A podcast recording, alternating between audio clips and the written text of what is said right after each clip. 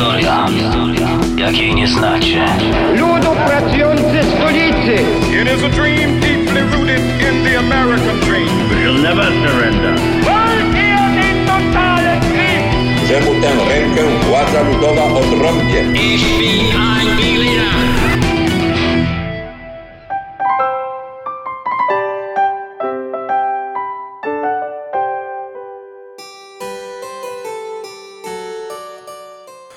Sejm rozpoczynający się w styczniu 1652 roku, choć przebiegający pod znakiem typowych waśni zatargów, mimo wszystko nie zapowiadał się jako rutynowe obrady. Coś wisiało w powietrzu. Rzeczpospolita była wprawdzie świeżo po rozbiciu kozaków i Tatarów pod Beresteczkiem, ale szlachtę elektryzował mający podtekst obyczajowy spór podkanclerza Hieronima Radziejowskiego z królem Janem Kazimierzem.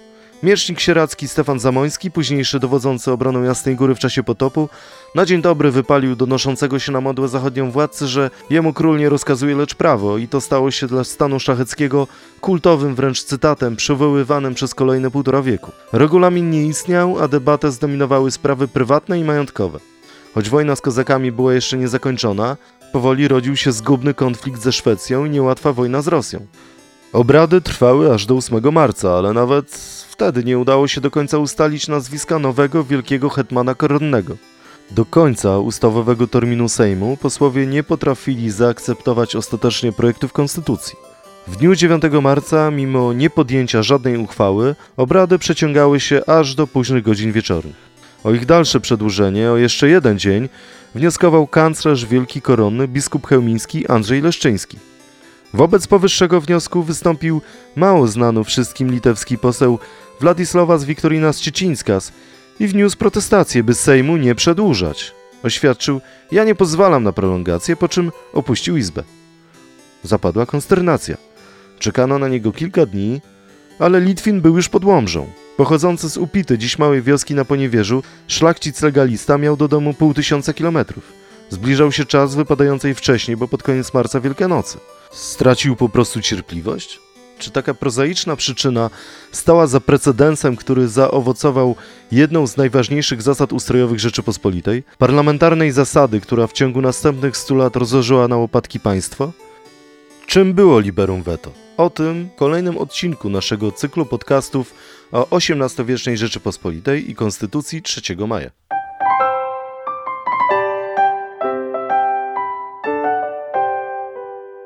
Poseł Siciński, bo tak brzmi spolszczona wersja litewskiego nazwiska, przez kolejne lata przedstawiany był w historycznych podręcznikach jako negatywny bohater historii Polski. Orędownik złotej, ale głupiej szlacheckiej wolności. W jeszcze innej części opracowań jako działający na polecenie Radziwiłłów wichrzyciel. Ale prawda może być inna i prozaiczna. Podsędek Kupicki najprawdopodobniej miał już dość bezproduktywnej szlacheckiej debaty i chciał po prostu wrócić do majątku na czas zasiewów. Ostatecznie nie za liberum wetował żadnej ustawy, ale jedynie nie zgodził się na przedłużenie w nieskończoność obrad. Był zatem nie anarchistą, ale może legalistą. Mimo tego zapewnie nieświadomie wpisał się w historię Polski jako prowodyr haniebnego zerwania Sejmu. W pamięci narodowej zyskał status jednego z najczarniejszych charakterów. Sławę w negatywnym tego słowa znaczeniu zawdzięcza epokowemu dziełu Stanisława Konarskiego o skutecznym rad sposobie albo o utrzymywaniu ordynaryjnych sejmów, które było fundamentem budowy legendy Sicińskiego w czasie rozbiorów. Szkoda, że nikt nie pamięta nazwiska prawdziwego sprawcy zamieszania, czyli marszałka Izby Poselskiej Andrzeja Maksymiliana Fredry, który bezmyślny proceder sankcjonował. Inna sprawa, że podręczniki historii zawierają tak wiele przeinaczeń, że warto dziś zapytać, czy to liberem veto było aktem w gruncie rzeczy aż tak bardzo kołtuńskim i anarchicznym. Na to pytanie odpowie nam profesor Zofia Zielińska. Przedłużenie Sejmu e, to jest rzecz decyzji tego samego Sejmu, więc e, czy legalne jest bardziej z formalnego punktu widzenia oczywiście miał prawo, bo obrady miały zakreślony czas, ale Sejm jest najwyższym ustawodawcą. Czy zrywanie Sejmu jest czymś lepszym od e, przedłużenia jego wobec trudności dojścia do porozumienia, tam dyskutowała. Mówimy o tym liberum veto, ale tu trzeba powiedzieć raczej o zasadzie jednomyślnego uchwalania ustaw, a raczej jednogłośnego, bo w Polsce nie wytworzyła się zasada większości. Można by dyskutować, dlaczego nie wytworzyła się, ale ja przeżywałam dojrzale, jako dojrzały już człowiek rok Solidarności i widziałam, jakie jest silne w społeczności dążenie do jednomyślności. Wszyscy zgadzają się na tę, a na, tą, a na tę decyzję. I tak samo było w Rzeczypospolitej. Wielokrotnie podawano w Sejmie projekty ustaw, które wzbudzały opór części posłów. I tak długo przekonywano posłów, aż oni godzili się zamilczeć, czyli nemine contradicente, gdy nikt nie, nie, nie, nie sprzeciwiał się. To jest ta jednomyślność polska i Sejmy już przed Sicińskim, przed 1700, 1652 rokiem e, rozchodziły się częstokroć bez e, e, uchwalenia, bez podjęcia uchwał. Ale zerwanie jednym głosem to jest Siciński 1652 rok wynikło, podstawą tutaj jest zasada jednomyślności, która pod koniec XVII wieku, czy w drugiej połowie XVII wieku, gdy społeczeństwo było w najgorszej sytuacji, można powiedzieć, intelektualnej, to był okres i dramatu gospodarczego po wojnach połowy i drugiej połowy XVII wieku i okres zapaści edukacyjnej, zapaści oświatowej, y, społeczeństwo bało się bardzo absolutyzmu, tak zabobonnie i liberum veto obok wolnej elekcji traktowano jako zabezpieczenie przed królem, który może przekupić nawet większość posłów, a nawet wszystkich, jak wierzono, no ale przecież w najgorszym nawet zbiorze ludzi nie wszyscy dadzą się przekupić, więc ten jeden może głosić, może być głosem ten jeden głos sprzeciwu może być głosem nieprzekupnego, broniącego wolności posłów. Stanisław Konarski w dziele o skutecznym rad sposobie, które wyszło w latach 1761-3, wykazał, że ani jeden Sejm w drugiej połowie XVII wieku nie został zerwany dla obrony wolności, a liberum veto stosowali zawsze przeciwnicy wzmocnienia państwa. Notabene Siciński nie był jeden, on tylko jeden głośno zawołał. Liberum veto daje więcej znaczenia jednemu szlachcicowi niż Rzeczypospolitej. Wagą jednego słowa niweczy on jednomyślną wolę narodu, a jeśli opuszcza miejsce obrad sejmowych, oznacza to jej rozbicie. Takie było niegdyś prawo trybunów, ale Rzym liczył ich niewielu, a lud miał ochronę w urzędnikach. Na pierwszy rzut oka można by mniemać, że Polska cieszy się najdoskonalszą wolnością. Ale ta wolność istnieje tylko dla szlachty i panów, którzy związują ręce swemu monarsze, aby móc bezkarnie sprawować najokrutniejszą tyranię nad swymi poddanymi, podczas gdy oni sami cieszą się wolnością. Poprzez pakta konwenta panowie polscy zapewniają sobie, że król nigdy im nie przeszkodzi w korzystaniu z praw, częstokroć barbarzyńskich, ustroju feudalnego, który trwa dziś u nich. Tak o naszym liberum veto pisał w XVIII wieku encyklopedysta Louis de Jacot. Sto lat wystarczyło, aby nowe rozwiązanie ustrojowe skutecznie rozgościło się w parlamencie jako instrument demokracji szacheckiej. Jej wolne nie pozwalam stało się jednak nie gwarancją wolności, a narzędziem anarchii. Gdy rządził Jan III Sobieski na ogólną liczbę 11 sejmów pospolitych zerwano 6. Za Augusta II na 13 aż 9, a za Augusta III zaledwie jeden z 16 zdołał się zakończyć podjęciem jakiejkolwiek decyzji. Atmosfera obrad rozsławiała Polskę i Litwę na całą Europę. Polsk Riksdag, czyli polski Sejm, to w językach skandynawskich do dziś zwrot oznaczający burzliwą, chaotyczną, ale i bezproduktywną dyskusję. O szczegółach staropolskiej strategii obrad opowiada nam dr Sebastian Adamkiewicz z Muzeum Tradycji Niepodległościowych w Łodzi. To nie było tak, że tylko Sicińskiemu zależało na zerwaniu Sejmu. Były różne koterie, którym na takim zerwaniu również zależało. I w ogóle te zerwania Sejmów, które, z którymi mieliśmy do czynienia później przez cały wiek XVII, wiek XVIII. One były najczęściej oczywiście wynikały z protestu pojedynczego posła, ale tak naprawdę wynikały również z tego, że istniała silna grupa w parlamencie, nie zawsze większościowa, ale na tyle silna, że taki protest, z takim protestem należało się liczyć. Ponieważ w okresie przed protestem Sicińskiego faktycznie było tak, że jeżeli to była jakaś niewielka grupa albo to był pojedynczy y, poseł, to takie osoby ignorowano. Do formalnej protestacji nie dochodziło. Najczęściej te osoby nie wnosiły w ogóle protestacji do grodów, albo taka protestacja była ignorowana i parlament dalej obradował. Ale w drugiej połowie XVII wieku i w wieku XVIII znajdowała się na tyle silna grupa wewnątrz parlamentu, że już takich pojedynczych protestów nie można było ignorować. W związku z tym liberum veto stało się narzędziem do demolowania polskiego parlamentaryzmu e, i do w dużej mierze mm, paraliżu państwa, ponieważ brak sejmów, niedochodzenie sejmów powodowało niemożność uchwalania nowych podatków. Niemożność uchwalania nowych podatków wpływała na silne osłabienie armii. A silne osłabienie armii oczywiście decydowało o tym, że Polska stała się, Rzeczpospolita obojga narodów, stała się przedmiotem, a nie podmiotem e, sytuacji międzynarodowej i e, kontaktów z innymi e, państwami. Więc było to pewne, pewien efekt domina, który spowodował, że w drugiej połowie XVIII wieku, a w zasadzie od początku XVIII wieku, Rzeczpospolita staje się pionkiem w grze mocarstw. Zasada liberum veto i burzliwy tryb prowadzenia obrad szokowały cudzoziemców. Oto, co o polskim parlamentaryzmie pisał Francuz François Paula Delerat, znany jako Chevalier de Bejeau, który spędził nad Wisą aż 13 lat, ale nadal nie mógł wyjść ze zdziwienia, że w Polsce na każdym posiedzeniu parlamentu wymagano obecności króla. Zdarzało się bowiem u nas, że na salę wnoszono łoże z chorym władcą.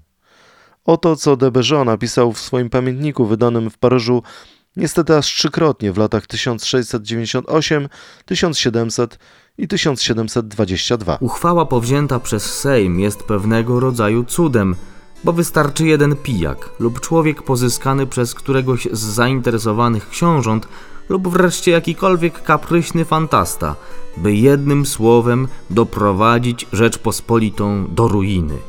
Słowem, kiedy chce się zerwać Sejm, wystarczy wykorzystać pierwszą lepszą sposobność, by wnieść protest lub podać od siebie jakikolwiek błahy wniosek i dodać przy tym, że w wypadku gdyby wniosek ten nie przeszedł, wpłynie protest przeciwko Sejmowi. Wychodzi się następnie z izby, a rejestruje protest w sądzie grodzkim lub trybunale, przy czym by odeprzeć cios i przywołać posła do porządku, pozostała reszta izby nie ma innej drogi, jak tylko łagodną perswazję, namowę lub pieniądz. Gdyby bowiem mimo jego protestu chciano prowadzić obrady w dalszym ciągu, cała reszta posłów sprzeciwiłaby się takiemu postanowieniu, jako godzącemu w podstawowe prawa obowiązujące w państwie, do jakich należy ta tak szkodliwa wolność, umożliwiająca w zasadzie zrywanie sejmów każdemu ich członkowi. Skoro mowa o staropolskich metodach perswazji, to pieniądze stanowiły oczywiście najlepszy instrument ustawodawstwa, a raczej blokowania pomysłów, które mogłyby się nie podobać magnatom, a później zagranicznym dyplomatom. Według historyków wynajęci posłowie aż 32-krotnie krzyczeli liberum veto. Najczęściej z inicjatywy potockich, ale wiele sejmów zrywanych było przez mocarstwa ościenne. Berlin, Petersburg, Wersal i Wiedeń też chętnie wykorzystywały instytucje polskiego parlamentaryzmu. Według profesora Władysława Konopczyńskiego za Jana Kazimierza stawka za zerwanie Sejmu wynosiła 500 dukatów. Wagowo równało się to ponad 1,5 kg czystego złota.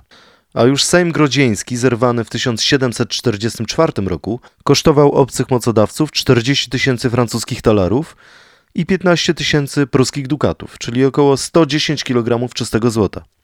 Jednym z ostatnich zrywających Sejm miał być poseł, który w 1762 roku otrzymał od Rosjan do ręki 1507 złotych dukatów. W zdrowo myślącym społeczeństwie, szanującym własne państwo, fakt, że zerwano za Augusta III 13 bodaj kolejnych sejmów.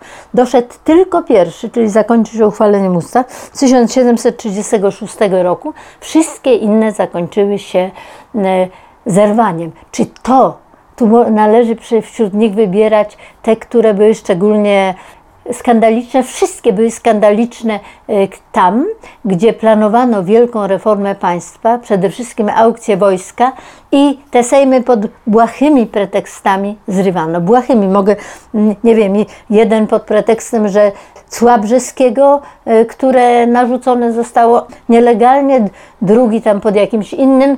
No na końcu, prawda, Stanisław Antoni Poniatowski był, należał do zrywaczy Sejmu 62 roku, gdy wskazano, że Brylów e, nie powinno być w Sejmie, bo nie są szlachcicami polskimi, a jego obóz, familia, pierwotnie w 1749 roku to szlachectwo Brylom wyrobiła. No.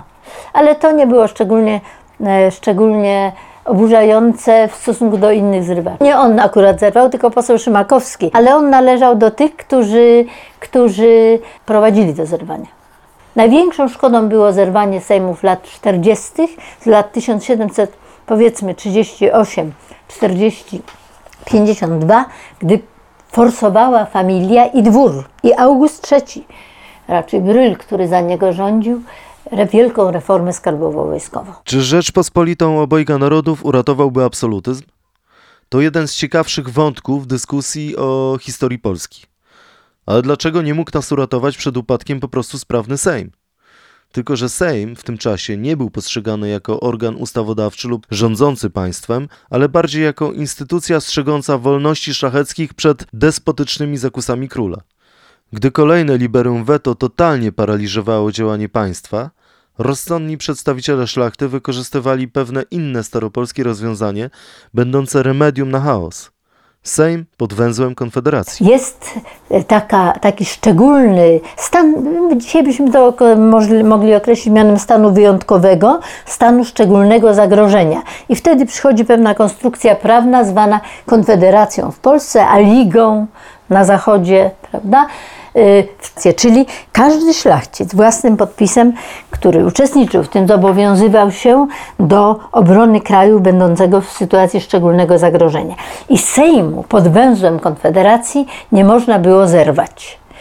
To jest y, wymysł wczesny, jeszcze XVI-wieczny, ale w XVIII wieku stoso, próbowano go stosować jako remedium wobec gremialnego, masowego zrywania Sejmu, zwłaszcza za Augusta III. Zabroniła tego, nie dopuszczała do powstania Sejmów pod Konfederacją Rosja, zainteresowana utrzymaniem słabości państwa, które od początku niemal XVIII wieku sobie podporządkowała.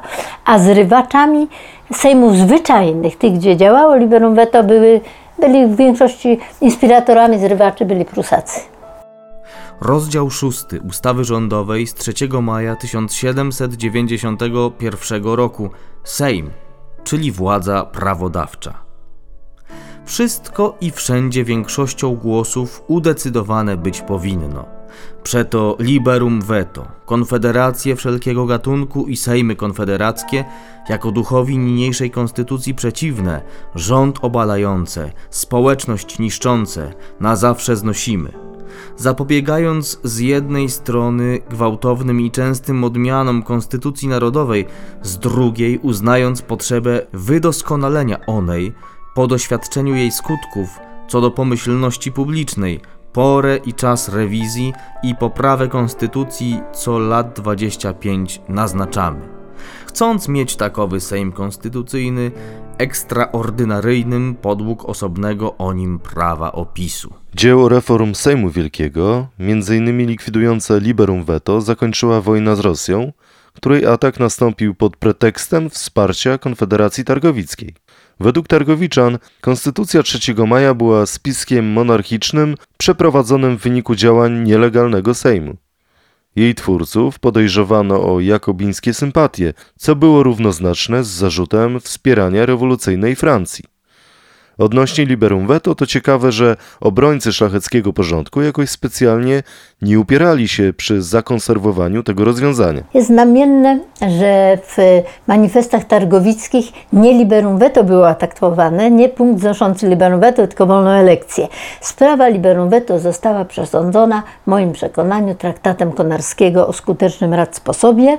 Konarski dowiódł w tych czterech tomach a zwłaszcza w pierwszych dwóch, bo one były poświęcone temu liberum veto, że to narzędzie, które się zdawało wymyślone na obronę wolności, służyło de facto e, wrogom wzmocnienia Polski. I po 1763 roku liberum veto było do tego stopnia z, skompromitowane, że tylko jeden tak naprawdę wielki traktat w czasie elekcji powstał z inspiracji zresztą Kaiserlinga, posła Rosji, ambasadora rosyjskiego w obronie liberum veto Sienickiego, takiego totumfackiego prymasa Ubieńskiego, ale proszę zauważyć, w czasie panowania Stanisława Augusta po 1776 roku nie było już sejmów konfederackich, 78, 80, 82, 4, 6, to były wszystko sejmy wolne, ale jednak do ich zaburzone częstokroć, ale do ich zerwania nie doszło. To się wydawało w epoce oświecenia, było, no, dowodem ciemnoty byłoby, gdyby ktoś pozwalał sobie na zastosowanie liberum veto. Liberum veto było skompromitowane i e, gdyby to zależało od Polaków, to zostałoby w 1764 na Sejmie konwokacyjnym zniesione przez czartoryskich, tak jak oni zamierzali. W 1766 na Sejmie już e, w pełni e, wprowadzili projekt ustawy, która miała w pełni liberum veto usunąć, bo na konwokacji to jeszcze był taki pewien kompromis z Kaiserlingiem, który chciał jednak przede wszystkim, żeby Stanisław Antoni Poniatowski został wybrany, przed, a nie zaburzania tutaj spraw. Wtedy Rosja zagroziła Polsce wojną, jeśli liberum veto w całej mocy nie zostanie przywrócone. Ale było na tyle skompromitowane, więc sprawa liberum veto nie była kwestią sporną moim zdaniem. Natomiast jako liberum veto można traktować Targowice. Cały Sejm najpierw Sejm, a potem całe społeczeństwo polskie w referendum trzeciomajowym w połowie lutego 1792 roku zaakceptowało konstytucję 3 maja. Ale paru panom, paru magnatom wydawało się, że oni są e, lepiej wiedzą, co jest Polsce potrzebne niż całe społeczeństwo. No i Targowica stanowiła wielkie weto wobec decyzji polskiego społeczeństwa. Tak bym to określiła, ale oczywiście nic by nie zdziałała. Gdyby nie rosyjska przemoc, i była też, bardzo nie lubię przeceniania Targowicy, bo była tylko listkiem figowym dla rosyjskiej interwencji. Rosyjska interwencja nastąpiłaby czy z Targowicą, czy z jakąś inną formą pretekstu, i ona decydowała.